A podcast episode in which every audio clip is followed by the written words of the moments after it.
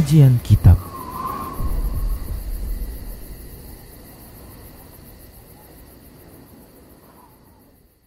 Bismillah, Assalamualaikum warahmatullahi wabarakatuh. Innal hamdalillah nahmaduhu wa nasta'inuhu wa nastaghfiruh wa na'udzu billahi min shururi anfusina wa min sayyiati a'malina. Man yahdihillah fala mudilla man yudlilhu fala hadiya lah wa ashhadu an la ilaha illallah wahdahu la syarika lah وأشهد أن محمدا عبده ورسوله صلى الله عليه وسلم. قال الله تبارك وتعالى يا أيها الذين آمنوا اتقوا الله حق تقاته ولا تموتن إلا وأنتم مسلمون. يا أيها الناس اتقوا ربكم الذي خلقكم من نفس واحدة وخلق منها زوجها وبث منهما رجالا كثيرا ونساء واتقوا الله الذي تساءلون به والأرحام إن الله كان عليكم رقيبا يا أيها الذين آمنوا اتقوا الله وقولوا قولا سديدا يصلح لكم أعمالكم ويغفر لكم ذنوبكم ومن يطع الله ورسوله فقد فاز فوزا عظيما اما بعد فان اصدق الحديث كتاب الله وخير الهدى هدى رسول الله صلى الله عليه وسلم وشر الأمور محدثاتها وكل محدثة بدعة وكل بدعة ضلالة وكل ضلالة في النار Para muslim, para hamba Allah rahimani wa rahimakumullah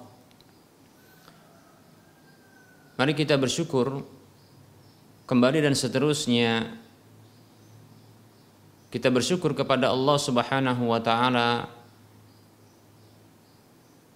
yang dialah zat senantiasa memberikan kebaikan kepada kita dan semua kebaikan itu berasal darinya. Sangat pantas seorang hamba bersyukur kepada Allah Subhanahu wa taala untuk menyempurnakan status hamba di hadapan Rabbnya, Tuhannya. Allah Tabaraka wa Ta'ala berfirman, Washkuru lillahi in kuntum iyyahu ta'budun. Bersyukurlah kepada Allah Subhanahu wa taala bila kalian benar-benar beribadah menghambakan diri kepadanya.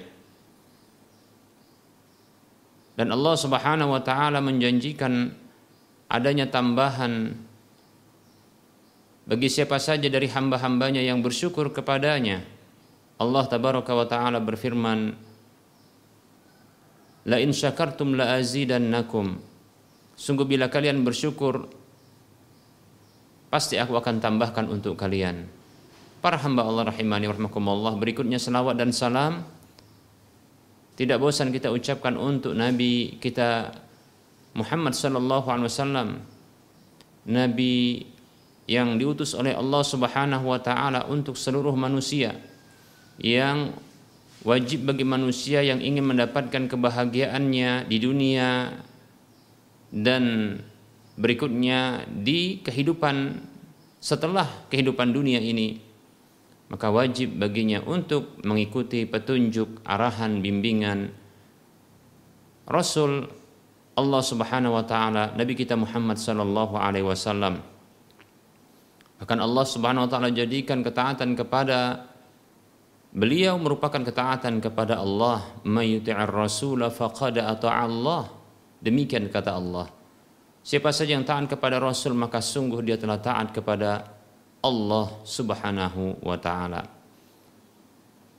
Para hamba Allah rahimani wa rahimakumullah, para pemirsa Rasyad TV dan para pendengar radio Medan Mengaji di mana saja Anda berada. Kembali kita akan lanjutkan pembahasan akidah tauhid dalam bahasan al-wala dan al-bara. Kembali seperti biasa kita akan mengulang definisi al-wala dan al-bara. Yang keduanya ini merupakan prinsip yang sangat urgen, prinsip yang sangat mendasar, prinsip yang begitu agung di dalam agama kita. Dan ini menjadi keyakinan bagi kita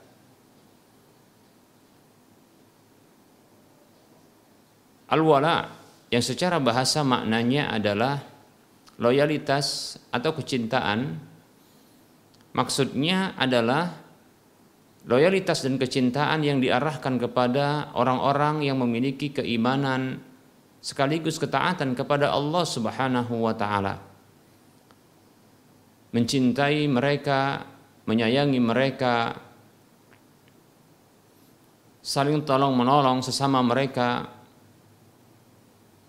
eh, sekaligus berlaku tulus, berlaku tulus dengan memberikan nasihat kepada mereka. Yaitu kepada orang-orang yang mereka memiliki keimanan dan ketaatan kepada Allah Subhanahu wa taala. Inilah dia al-wala, loyalitas dan kecintaan yang disyariatkan bahkan diwajibkan. Baik para hamba Allah rahimani rahimakumullah. Adapun al-bara yang maknanya secara bahasa adalah berlepas diri yang mengandung kebencian. Maksudnya adalah berlepas diri dan membenci orang-orang membenci sekaligus berlepas diri dari orang-orang yang mereka memiliki kekufuran dan kesyirikan, memiliki kekafiran dan kemusyrikan di dalam diri mereka. Menjauhi apa saja yang menjadi kebiasaan khusus mereka, kebiasaan yang ini menjadi kekhususan bagi mereka, baik itu dalam urusan dunia mereka maupun dalam urusan akhirat mereka, dalam dalam urusan agama mereka. Menjauhi keyakinan-keyakinan ritual-ritual keagamaan mereka. Baik para muslim rahimani wa rahimakumullah. Ini adalah bentuk ini adalah makna dari al-bara, berlepas diri. Dan ini merupakan prinsip yang sangat mendasar di dalam agama kita. Oleh karenanya, seorang ulama Syekh Muhammad An-Najdi rahimahullahu taala beliau mengatakan tentang Islam. Islam itu adalah al-istislamu lillahi bitauhidi wal inqiyadu lahu bitta'ati wal bara'atu minasyirki wa ahlihi.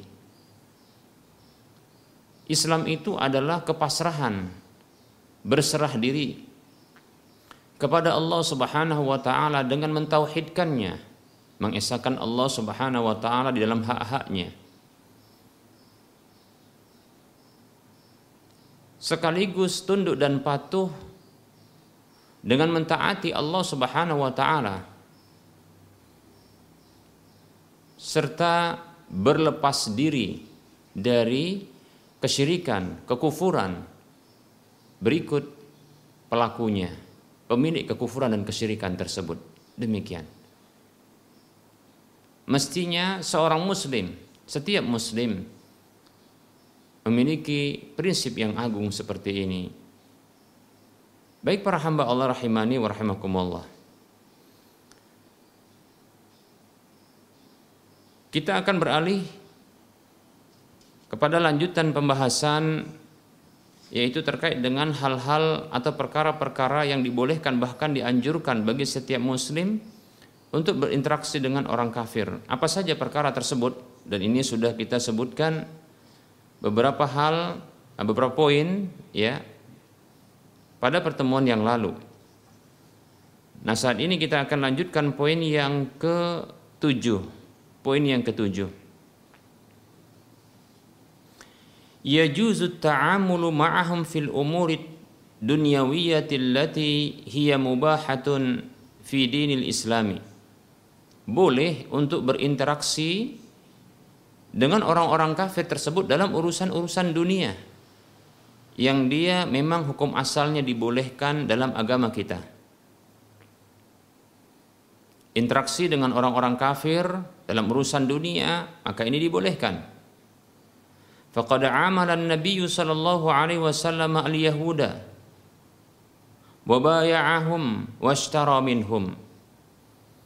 Nabi dahulu sallallahu alaihi wasallam pun pernah berinteraksi dengan orang-orang Yahudi Seperti yang pernah kita sebutkan bahwa Nabi Shallallahu Alaihi Wasallam mempekerjakan orang-orang Yahudi yang ada di Khaybar di lahan-lahan mereka ketika Rasulullah SAW telah menaklukkan Khaybar tersebut Rasulullah SAW mempekerjakan orang-orang Yahudi untuk bercocok tanam di lahan-lahan yang ada di Khaybar tersebut dengan kesepakatan hasil bumi yang didapatkan dari bercocok tanam tersebut dibagi menjadi dua. Sebahagian setengahnya itu untuk Nabi Wasallam dan setengahnya untuk mereka sebagai pengelolanya. Demikian para muslim rahimani wa rahimakumullah. Boleh berinteraksi dengan orang-orang kafir. Wabaya'ahum dan Nabi Wasallam juga pernah berjual beli, yang jual dan membeli, ya Washtaro minhum bahkan Nabi SAW pernah ya membeli bahan makanan dari seorang Yahudi sebagaimana yang disebutkan oleh Imam Al-Bukhari dalam kitab sahih beliau dalam hadis dengan nomor urut 2068 begitu juga Imam Muslim menyebutkan riwayat tersebut dalam kitab sahihnya di nomor urut hadis 1603 an Aisyah radhiyallahu anha dari Aisyah radhiyallahu anha qalat beliau mengatakan Ishtaran Nabi sallallahu alaihi wasallam min Yahudiyyin ta'aman ila ajalin wa rahanahu dir'an lahu min hadidin. Kata Aisyah radhiyallahu anha yang beliau ini adalah istri yang paling dicinta oleh Nabi Shallallahu Alaihi Wasallam menyebutkan dahulu Nabi Shallallahu Alaihi Wasallam itu pernah membeli bahan makanan dari seorang Yahudi dengan cara terhutang. Bahkan Nabi SAW berhutang. Ya. Ila ajalin sampai batas waktu yang ditentukan. Sampai batas waktu yang ditentukan Nabi SAW ternyata berhutang yang akan dibayar ya di batas waktu tersebut jatuh temponya. Namun beliau mengamankan diri beliau dengan memberikan jaminan warahanahu dir'an lahu min hadidin dan beliau sallallahu alaihi wasallam ya menggadaikan baju perang milik beliau yang terbuat dari besi kepada orang Yahudi tersebut. Baik para muslim rahimani wa rahimakumullah. Nah, ini teladan kita Nabi kita Muhammad sallallahu alaihi wasallam yang dijadikan oleh Allah Subhanahu wa taala sebagai teladan bagi siapa saja yang beriman kepada Allah Subhanahu wa taala. Allah Subhanahu wa taala berfirman, "Laqad kana lakum fi Rasulillahi uswatun hasanah liman kana yarjullaha wal yawmal akhir." Sungguh pada diri Rasulullah Shallallahu Alaihi Wasallam itu bagi kalian ada suri tauladan yang baik, yaitu bagi siapa saja mengharapkan perjumpaan dengan Allah Subhanahu Wa Taala dan hari akhir. Demikian. Para muslim rahimani wa rahimakumullah. Jadi boleh untuk berjual beli dengan orang-orang kafir. Ya berdagang, Ya seperti kita katakan ya apabila kaum muslimin mereka memiliki satu produksi atau produk barang yang barang-barang ini adalah barang-barang yang halal namun dibutuhkan oleh orang-orang kafir dalam urusan dunia mereka bukan dalam urusan agama mereka maka boleh bagi kita untuk menjual kepada mereka bahkan dengan jumlah yang sangat besar seperti contohnya mengekspor ke negeri-negeri kafir. Boleh yang demikian. Ya, seperti contohnya minyak, ya, tambang, ya, hasil bumi berupa tambang, hasil bumi berupa pertanian dan perkebunan, boleh-boleh saja, ya, tidak masalah. Maka ini dibolehkan. Demikian para muslim rahimani Lebih-lebih ini akan memberikan devisa ya bagi negara. Yang ini peruntukannya adalah untuk operasional negara tersebut, negara kaum muslimin, negeri kaum muslimin. Maslahatnya tentunya kembali kepada kaum muslimin. Demikian para muslim rahimani wa rahimakumullah. Namun tentunya dihindari ya menjual belikan barang-barang yang ini diharamkan. Yang diharamkan secara zatnya atau diharamkan peruntukannya. Ya. Diharamkan peruntukannya. Ya. Diharamkan secara zatnya contohnya seperti barang-barang yang nantinya ya Eh, barang-barang ini adalah barang-barang yang aslinya adalah haram secara zat. Haram secara secara zatnya. Untuk dijual belikan seperti ya contohnya adalah memproduksi atau mengembang biakan ya hewan babi ya yang ini nantinya akan diekspor ke luar negeri, ke negeri-negeri kafir. Maka ini tidak boleh. Ya. Tidak boleh untuk ya menjual belikan barang-barang ya yang najis, yang haram secara zatnya. Nabi kita Muhammad sallallahu alaihi wasallam bersabda dalam sebuah hadis yang diriwayatkan oleh Imam Ahmad dalam musnadnya dan ini hadis yang disahihkan oleh Syekh Al-Albani rahimahullahu taala Inna Allah idza harrama akla syai'in harrama samanahu Sesungguhnya Allah Subhanahu wa taala apabila mengharamkan mengkonsumsi sesuatu maka Allah haramkan hasil jual belinya Demikian kata Nabi kita Muhammad sallallahu alaihi wasallam. Babi adalah diharamkan baik itu dalam Al-Qur'an maupun hadis Nabi sallallahu alaihi wasallam. Dan apa saja yang diharamkan oleh Allah Subhanahu wa taala. Baik itu yang terdapat di dalam kitab Allah Al-Qur'an maupun lewat lisan Rasulullah SAW dalam hadis-hadis beliau. Maka diharamkan untuk menjual belikannya. Demikian para muslim rahimani wa rahimakumullah. Begitu juga apabila diketahui peruntukan dari barang yang akan dijual ini itu dipergunakan untuk hal-hal yang haram pula. Seperti contohnya ya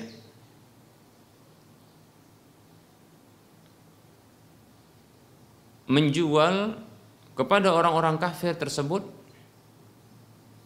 bahan-bahan baku yang nantinya akan dijadikan khamar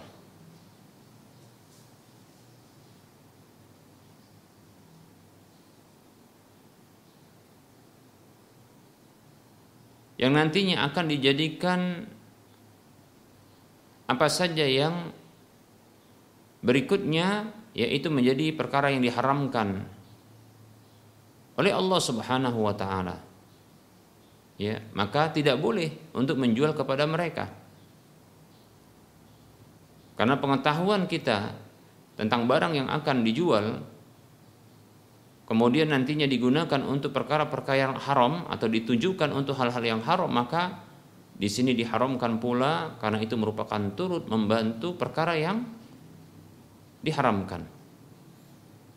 Ya. Seperti itu. Bila kita ketahui hal itu akan digunakan dan ditujukan untuk perkara-perkara yang haram. Namun Apabila kita tidak mengetahuinya, maka tidak masalah ya kita untuk ya menjual kepada mereka. Seperti contohnya menjual tembakau. Ya, menjual tembakau. Yang bisa jadi ini dijadikan sebagai bahan baku untuk antiseptik atau kita katakan untuk eh, bahan-bahan medis bisa juga digunakan untuk bahan baku rokok. Demikian. Namun kita tidak mengetahui. Maka tentunya boleh ya bagi kita ketika kita tidak mengetahui ya tujuan dari bahan baku yang dijual tersebut maka hukum asalnya adalah boleh seperti itu. Ya, boleh untuk menjual kepada mereka. Namun apabila telah tertuju dan diketahui tujuan dari pembelian barang dari kaum muslimin itu adalah digunakan untuk hal-hal yang haram seperti contohnya tembakau dibeli untuk pembuatan rokok. Demikian. Atau contohnya mengimpor dari negeri kaum muslimin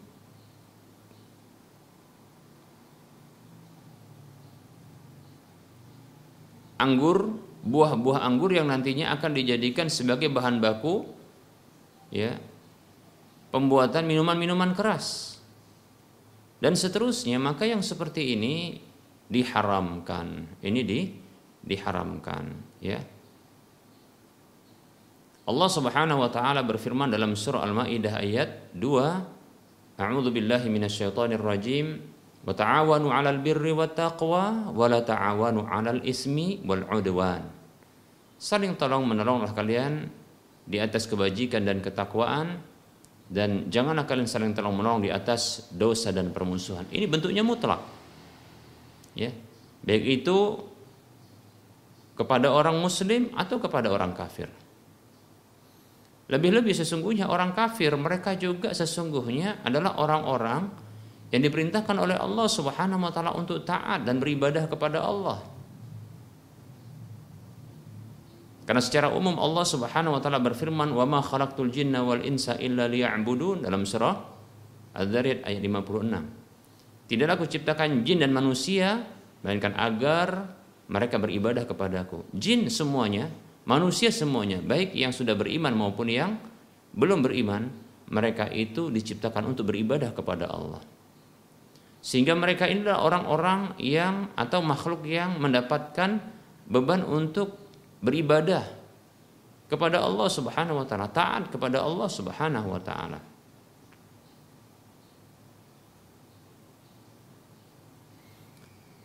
Begitu juga dalam surah Al-Bayyinah ayat 5 Allah mengatakan a'udzu billahi minasyaitonir rajim.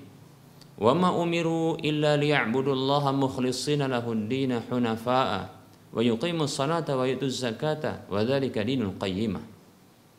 Allah berfirman yang artinya dan tidaklah mereka itu diperintahkan. Siapakah mereka itu? Di awal ayat disebutkan itu adalah orang-orang kafir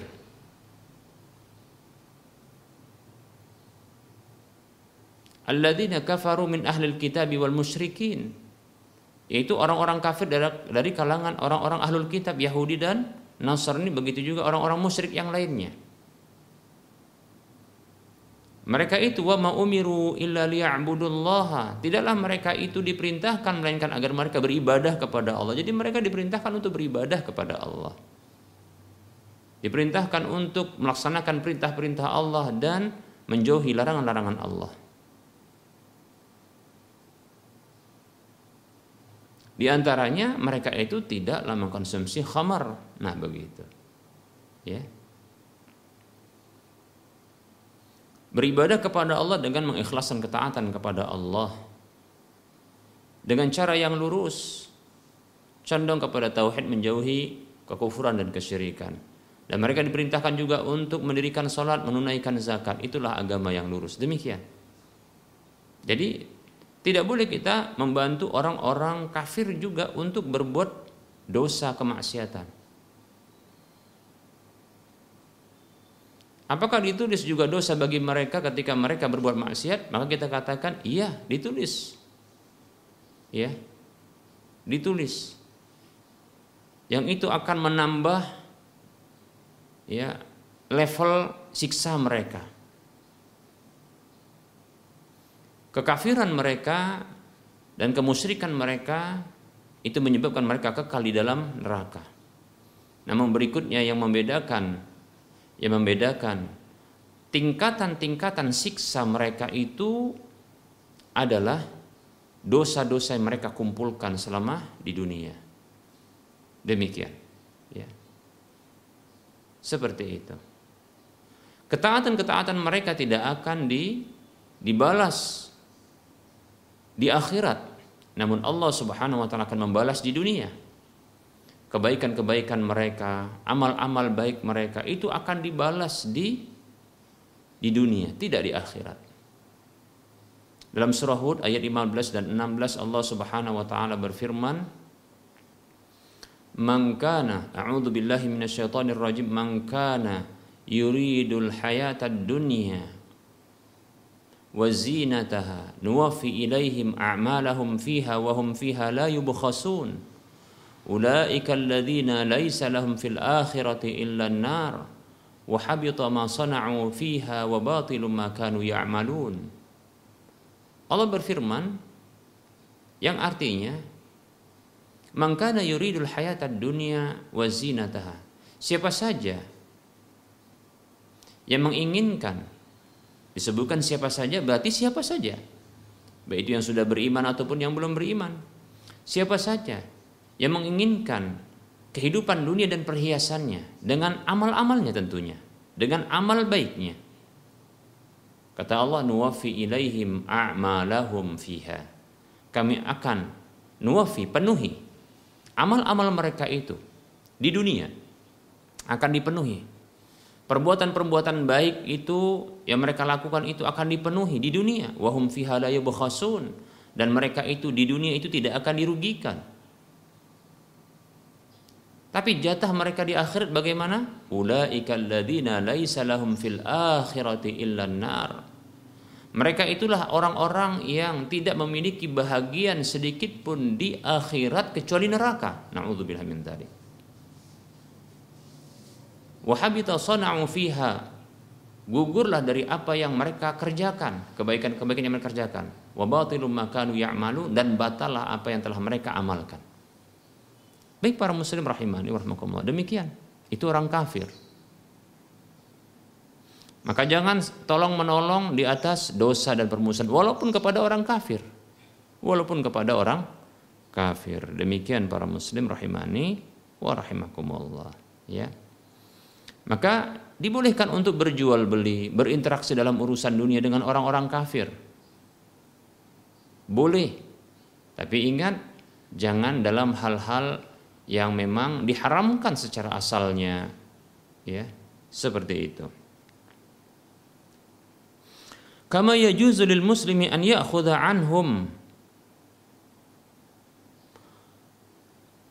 ayata'allama minhum ma fihi wa an yata'allama minhum ma fihi manfa'atun lil muslimina min umurid dunya mimma asluhu mubahun fi dinil islami. Sebagaimana dibolehkan bagi seorang muslim untuk mengambil dari mereka dan mempelajari dari mereka ilmu-ilmu yang di dalam ilmu tersebut terdapat kemanfaatan bagi orang-orang Islam dari urusan-urusan dunia yang secara asalnya adalah dibolehkan dalam agama Islam ini. Wa qad yakunu dzalika mustahabban aw wajiban. Bisa jadi hal tersebut itu dianjurkan bahkan wajib. Wa qad sabata anna an-nabiy sallallahu alaihi wasallam ja'ala fida'a ba'di usara badrin mimman lam yakun indahu fida'un minal mali ta'lima auladil ansari al-kitabata. Ada riwayat yang sahih dari Nabi Shallallahu Alaihi Wasallam bahwasanya Nabi Shallallahu Alaihi Wasallam pernah menjadikan tebusan bagi sebahagian tawanan perang Badar dari tawanan-tawanan yang mereka tidak memiliki harta untuk bisa menebus diri mereka, maka mereka harus menebus dengan cara mengajarkan tata cara mengajarkan ya uh, ilmu menulis, membaca dan tulis kepada ya anak-anak bangsa Ansor atau anak-anak dari sahabat-sahabat Ansor demikian ya Lihat Nabi SAW pernah melakukan hal tersebut kepada orang-orang kafir. Jadi boleh untuk ngambil ilmu dari mereka, ya dalam urusan-urusan dunia tentunya. Ya jangan ngambil ilmu dari dari urusan-urusan agama kepada mereka. Ya belajar agama Islam contohnya di kampus-kampus atau di universitas-universitas orang-orang kafir, maka ini tidak benar. Bagaimana orang-orang bagaimana bisa diterima secara akal Ya. Orang-orang kafir itu mengajarkan Islam yang benar kepada orang-orang muslim. Sementara mereka itu masih kafir. Kalaulah ilmu tentang Islam yang mereka miliki walaupun mereka telah mempelajari Islam itu adalah ilmu yang bermanfaat. Tentunya ilmu tersebut akan memberikan manfaat kepada pemiliknya. Kita katakan ada orientalis yang mereka ini mempelajari Islam, mempelajari Al-Quran. Lalu kita ingin mengambil ilmu dari mereka. Maka ini tidak dibenarkan. Mengapa demikian? Secara logika kita katakan, ya, andaikan ilmu tentang Islam itu, ilmu tentang Al-Quran itu, yang telah mereka pelajari, orang-orang orientalis tersebut, ya, mempelajari Al-Quran tentang Islam, tentang akidah dan yang lainnya ilmu tersebut bermanfaat bagi mereka, tentunya itu akan membuat mereka masuk Islam. Namun ternyata tidak, tidak bermanfaat bagi mereka. Lalu bagaimana bisa ya dia memberikan manfaat dari ilmu yang diajarkannya kepada orang Islam? Maka tentunya ilmu yang diajarkannya itu tidak akan memberikan manfaat kepada orang Islam sekalipun. Seperti itu. Karena karena ternyata buktinya adalah apa yang diketahuinya yang disebut dengan ilmu bagi sebagian orang itu tidaklah memberikan manfaat bagi dirinya. Lalu bagaimana bisa memberikan manfaat kepada orang lain? Seperti itu. Ya demikian. Maka tidak layak tidak pantas. Ya orang Islam itu belajar Islam dari orang kafir. Demikian para muslim rahimani warahmatullah. Yang dibolehkan adalah mempelajari ya ilmu-ilmu dunia seperti matematika, fisika, kimia, ya. Begitu juga antariksa dan seterusnya dari ilmu-ilmu dunia yang ini memberikan manfaat bagi umat Islam dan tentunya dengan dengan syarat-syarat yang ketat kalau ingin mempelajari ya di negeri kafir tersebut dan ini sudah kita bahas ya sudah berlalu pembahasannya. Demikian. Ya. Baik para muslim rahimani warahmatullah. Nah, barangkali ini materi yang bisa kita sampaikan pada pertemuan kali ini, ya. Kita masuki sesi soal jawab.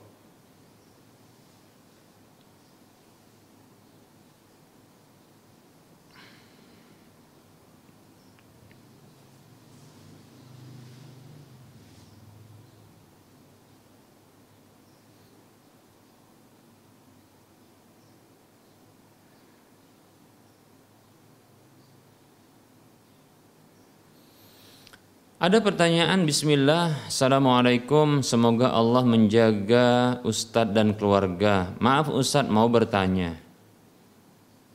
Bagaimana hukum menerima amplop Berisi uang pada acara akikahan Ustadz Waalaikumsalam warahmatullahi wabarakatuh. Demikian pula semoga Allah subhanahu wa ta'ala menjaga antum dan keluarga di mana saja antum berada. Hukum menerima amplop yang berisi uang ataupun hadiah apa saja pada acara akikahan atau acara walimahan pernikahan. Saya condong adalah dibolehkan jikalau memang benar-benar acara akikahan tersebut adalah atau acara walimahan tersebut adalah acara yang sesungguhnya adalah acara yang memang mengundang orang untuk makan bukan untuk bermaksud berjual beli.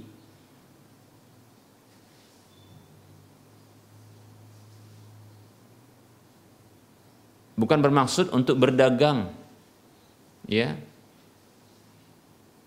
Maksud berdagang di sini adalah ya dengan biaya yang dikeluarkan untuk membuat makanan-makanan tersebut Lalu dia mengundang orang-orang yang nantinya akan berpotensi memberikan hadiah atau memberikan ya uang kepadanya.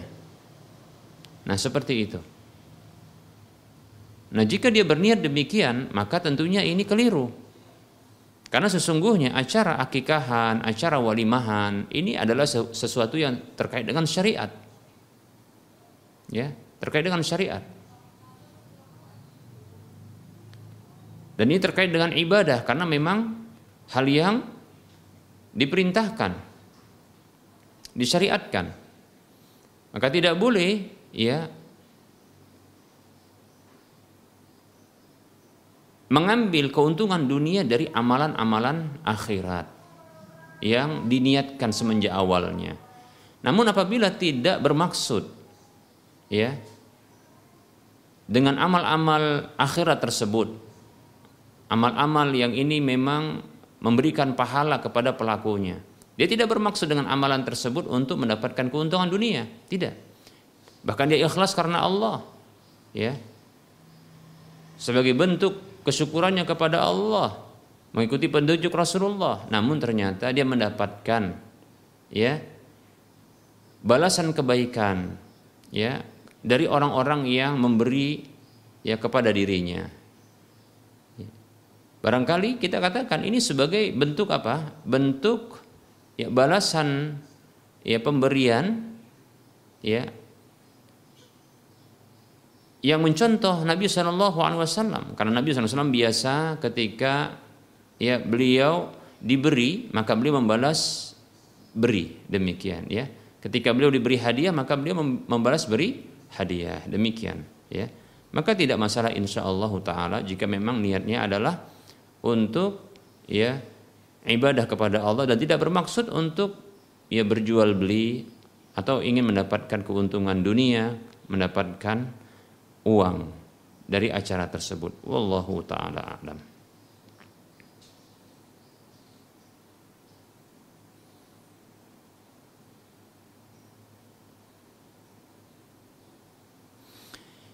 Bismillah Ustaz, mau tanya jika kita sedekah, bagaimana jika kita mengharapkan doa kebaikan dari orang yang kita sedekahi?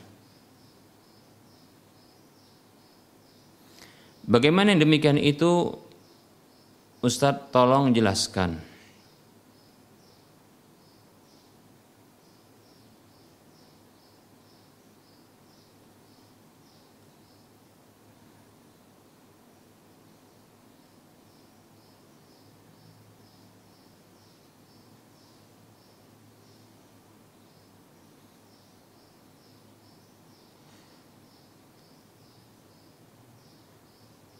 Baik. Allah Subhanahu wa taala berfirman dalam surah Al-Insan ayat 9. Allah mengatakan a'udzu billahi minasyaitonir rajim. Innama nut'imukum liwajhillahi la nuridu minkum jazaa'an wala syukura. Allah Subhanahu wa taala berfirman, ya, mengabadikan perkataan orang-orang yang mereka ini ikhlas dalam berbuat kebaikan innama nut'imukum liwajhillah sesungguhnya kami memberi makan kepada kalian hanyalah untuk mengharapkan wajah Allah Subhanahu wa taala untuk melihat bisa melihat wajah Allah kelak di surga. La nuridu minkum jazaa'a wala syukura. Kami tidak mengharapkan dari kalian balasan sedikit pun dan juga terima kasih. Tidak jadi kita nggak mengharapkan ketika kita bersodakoh itu untuk ucapan terima kasih. Juga bukan mengharapkan balasan. Di antara balasan tersebut ya minta doa. Ya demikian ya. Ya kalau ikhlas contohnya ya contohnya ikhlas ikhlas kepada Allah Subhanahu wa taala ya. Maka tidak perlu kita mengharapkan ya balasan dari mereka berupa ya doa namun apabila kita telah ikhlas, lalu mereka ternyata mendoakan kita, maka kita aminkan, ya. Sukarela mereka mendoakan kita, maka kita aminkan insya Allah taala, ya. Demikian, ya. Namun janganlah ya, jangan jadikan sodakoh tersebut, ya, yang nantinya sodakoh tersebut kita harapkan darinya adalah apa? Doa. Ya seperti itu. Namun kita ikhlas kepada Allah. Nah kalau seseorang telah ikhlas kepada Allah dalam sedekahnya lalu dia ingin ya bertawassul dengan doa yang barangkali ini doa orang soleh atau doa orang yang uh, dekat dengan Allah karena mungkin kefakirannya, kepapaannya, ya orang-orang yang mereka ini lemah di kalangan manusia, yang kalau mereka berdoa bisa jadi makbul, maka boleh bagi kita untuk meminta, boleh memintanya boleh, tapi pertama sekali ikhlas karena Allah. Tidak kita harapkan untuk ya uh, doa dari mereka. Namun boleh nggak kita memintanya? Yaitu setelah kita memberi kita minta, ya. Dan tujuan asal dari sedekah itu bukanlah permintaan doa atau bukanlah doa tersebut, tapi ikhlas karena Allah. Namun kita berikutnya adalah meminta, maka ini dibolehkan. Ya, dibolehkan. Sebaliknya bila tujuan dari memberikan sedekah itu adalah doa agar nanti mereka berdoa Nah ini ada kekeliruan ya dari sisi niat yang keliru, yang kurang ikhlas kita katakan. Yang kedua adalah ya bertumpu kepada manusia. Padahal tidak mesti kepada mereka dan tak mesti pula harus ya e, bersedekah terlebih dahulu baru minta doa. Karena sesungguhnya kita pun memiliki peluang untuk makbulnya doa. Orang tua kita juga memiliki peluang ya makbulnya doa. Orang-orang yang lainnya juga memiliki peluang untuk makbulnya doa. Bisa kita minta doa kepada mereka. Yang tentunya mereka itu masih hidup dan termasuk orang yang soleh demikian. Seperti itu, ya. Nah, maka tidak boleh, ya, tidak boleh karena ini mengurangi keikhlasan. Ketika seseorang bersedekah dengan harapan dia nanti minta doa dari orang yang disedekahi. Ini keliru. Ini tidak ikhlas atau kurang ikhlas. Tapi kalau sudah dia ikhlas, ikhlas kepada Allah, memang ingin memberikan sodako tersebut. Lalu teringat dia barangkali ya doa orang ini makbul. Ya, karena kepapaannya, ketiadaannya ya, ini memungkinkan dia dekat dengan Allah. Lalu ya kita mintakan kepadanya, mohon doanya ya Bu, mohon doanya ya Pak, mohon doanya ya Dek. Ya. Keluarga saya sakit. Ini maka dibolehkan insya Allah taala. Ya. Ini dibolehkan demikian.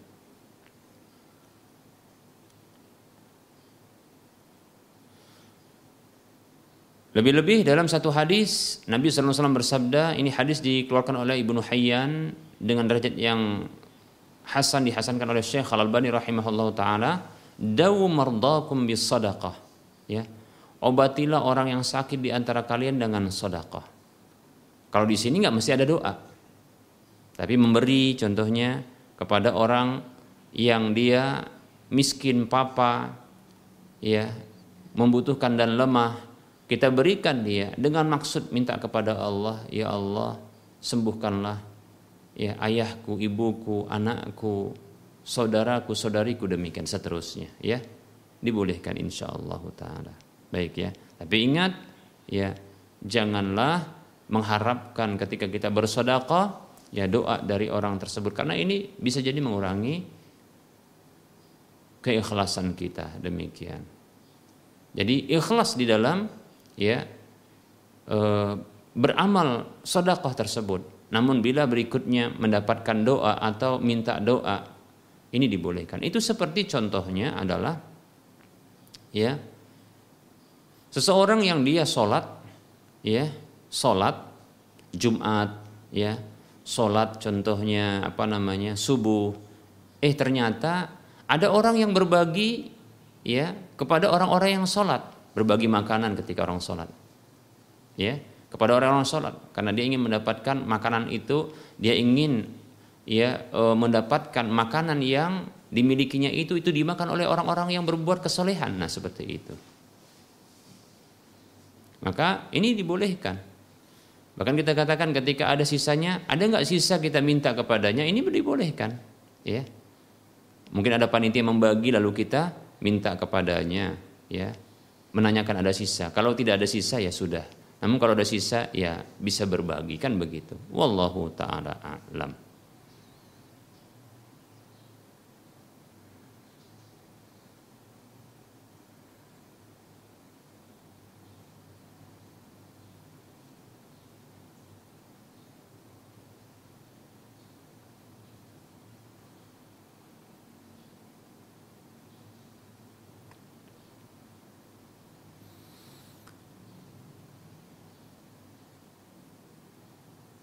Ada pertanyaan Assalamualaikum warahmatullahi Izin bertanya Ustadz Apakah ada keutamaan ibadah khusus di malam nisfu Sya'ban?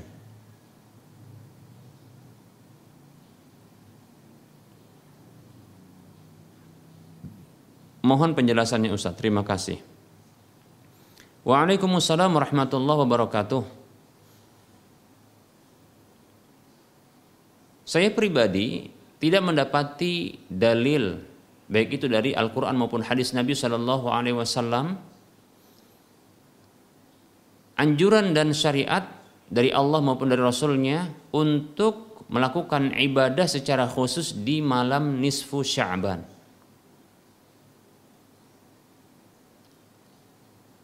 Apabila kita mengkhususkan sebuah ibadah di satu waktu, sementara tidak ada perintah Allah dan Rasulnya maka dikhawatirkan hal tersebut itu tertolak. Kalau saya pribadi tidak ada kekhususan dalam hal itu. Maka saya tidak mengkhususkan karena saya belum mendapatkan dalilnya. Bagi siapa saja yang ingin melakukan atau ingin atau meyakini adanya keutamaan khusus maka wajib bagi dia agar tidak tertolak amalannya untuk mengetahui dalilnya Imam Bukhari mengatakan dalam kitab sahihnya al-ilmu qabla al-qawli wal amali berilmu sebelum berkata dan beramal. Kalau saya pribadi saya tidak mendapatkan dalil tentang masalah tersebut. Sehingga saya khawatir kalau saya beramal secara khusus ya itu akan ditolak. Nabi kita Muhammad Shallallahu Alaihi Wasallam bersabda dalam sebuah hadis yang diriwayatkan oleh Imam Bukhari dan Muslim yang disebutkan oleh Al-Imam An-Nawawi di dalam kitab Arba'un An-Nawawi dengan nomor urut yang kelima berasal dari istri Nabi SAW ibunda Aisyah radhiyallahu anha yang mengatakan Rasulullah SAW bersabda man ahdasa fi amrina hadza ma laisa minhu fahuwa radd Siapa saja yang mengarang mengarang-arang menginovasi dalam urusan agama kami ini sebuah sesuatu apa saja yang tidak berasal darinya maka tertolak. Hadis riwayat Bukhari dan Muslim. Beliau mengatakan dalam riwayat Muslim disebutkan man amila amalan laisa alaihi amruna fahuwa raddun. Nabi kita Muhammad sallallahu alaihi wasallam bersabda, siapa saja yang artinya siapa saja yang beramal dengan sebuah amalan yang tidak ada perintah kami padanya maka tertolak. Maka siapa saja yang beramal dan akan beramal wajib bagi dia untuk menyertakan atau wajib bagi dia untuk mengetahui adanya perintah pengkhususan amalan tersebut di satu waktu yang ingin diamalkan di waktu tersebut. Bila dia tidak dapatkan amalan tersebut, sebaiknya dia tinggalkan. Apabila dia kerjakan, dia paksakan untuk dikerjakan, maka ketahuilah sesungguhnya ini tertolak. Dia khawatirkan tertolak. Demikian sia-sia yang dilakukan. Walaupun bisa jadi orang tersebut mendapatkan pahala niat karena ingin berbuat baik. Namun dia bisa jadi tidak mendapatkan ya pahala ibadahnya, amalan ibadahnya. Kenapa? Karena tidak ada petunjuk Nabi Shallallahu Alaihi Wasallam. Ini menunjukkan bahwasanya Allah Subhanahu Wa Taala tidak ridho dia diibadahi dengan cara hambanya. Maka dia ingin agar Allah Subhanahu Wa Taala itu ya diibadahi dengan cara Allah. Makanya Allah utus nabinya, utus rasulnya dengan membawa panduan, buku panduan berupa kitab suci yang berasal darinya. Demikian. Wallahu taala alam.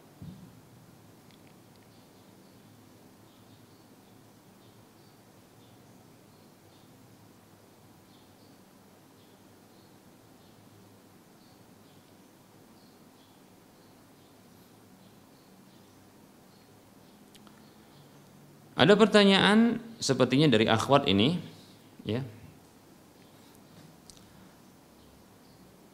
Assalamualaikum Ustadz. Saya mau bertanya bagaimana kalau kita kan nador. Maksudnya sudah nador.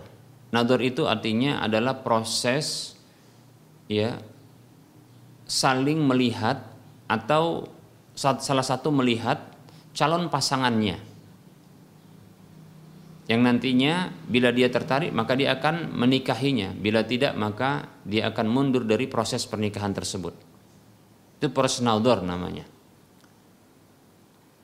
Sang e, gadis ini bertanya lalu setelah kita naldor atau setelah kita melakukan proses saling melihat untuk mengetahui calon pasangan lalu kita sholat istikharah yaitu sholat untuk meminta pilihan terbaik dari Allah Subhanahu wa taala.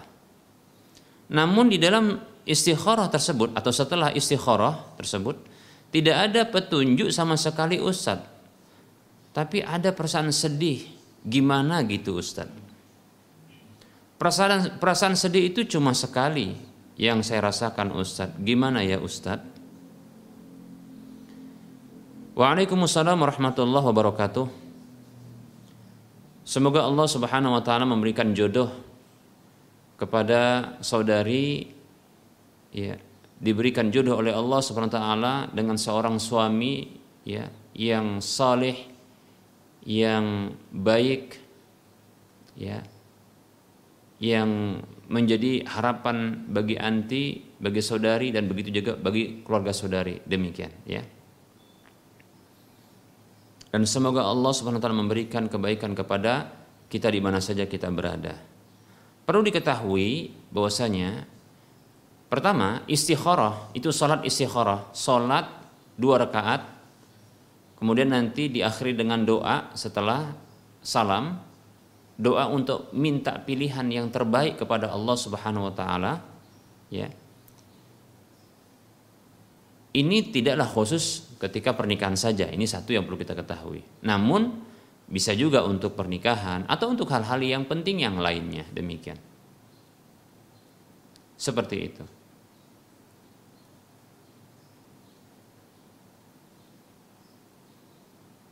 Kemudian yang kedua, bahwasanya setelah kita melakukan sholat istikharah dan doa istikharah minta pilihan terbaik kepada Allah Subhanahu wa taala itu tidaklah mesti ya ada tanda bukti seperti mimpi ya atau sinyal khusus. Tidak ada. Namun di dalam doa tersebut itu disebutkan seperti ini. Allahumma in kunta ta'lamu anna hadzal amra khairul li fi dini wa ma'ashi wa aqibati amri au ajlihi wa ajlihi faqadurhu li wa yassirhu summa barik li fihi ya. Ya Allah apabila engkau mengetahui bahwasanya urusanku ini adalah baik bagiku bagi agamaku bagi duniaku bagi hasil akhir ya dampak uh, dampak akhir dari urusanku maka tetapkanlah untukku dan mudahkanlah untukku serta berkahilah aku padanya. Di sini ada ungkapan doa minta dimudahkan. Jadi indikasi indikator ya bahwa hal tersebut bisa jadi ya uh, adalah ditakdirkan bagi kita setelah kita melakukan sholat dua rakaat sholat istikharah dan doa istikharah tersebut doa minta, eh, minta pilihan terbaik kepada Allah itu bentuk ya itu menjadi takdir bagi kita adalah dimudahkan oleh Allah Subhanahu wa taala demikian ya seperti itu Ya, maka tempuh saja jalannya terlebih dahulu. Prosesnya dilanjutkan. Namun apabila ternyata terdapat halangan-halangan, penghalang-penghalang yang banyak, maka inilah baru bisa jadi ini tidak ditakdirkan, maka kita bisa meninggalkan seperti itu. Wallahu taala alam. Semoga Allah memudahkan anti untuk mendapatkan jodoh yang soleh. Amin. Ya rabbal alamin. Baik para Muslim, para pemirsa Rosa TV dan para pendengar Radio Medan Mengaji di mana saja Anda berada. Kita cukupkan kajian kita pada pertemuan kali ini karena sudah masuk waktu sholat duhur untuk wilayah Medan dan sekitarnya. Mohon maaf atas segala kekurangan kesalahan yang benar datang dari Allah Subhanahu wa taala yang salah datang dari saya pribadi dan bisikan syaitan. Kembali saya ingatkan mari kita berdonasi berdonasi ya e, untuk membebaskan lahan yang nantinya akan dibangun di atas lahan tersebut Masjid Al Muwahhidin. Alhamdulillah ya sudah terkumpul sekitar 2 miliar 840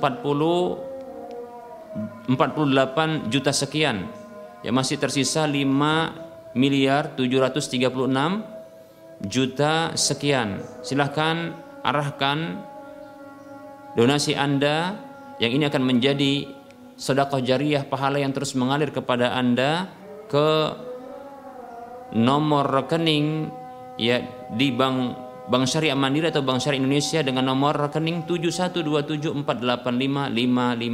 atas nama Yayasan Lajnah Dakwah Medan kode bank 451. Kita ulangi silahkan salurkan ya infak dan sedekah Anda ke nomor rekening Bank Syariah Mandiri atau Bank Syariah Indonesia di nomor 7127485555 atas nama Yayasan Lajnah Dakwah Medan kode bank 451. Semoga termotivasi dan bermanfaat. Wassalamualaikum warahmatullahi wabarakatuh.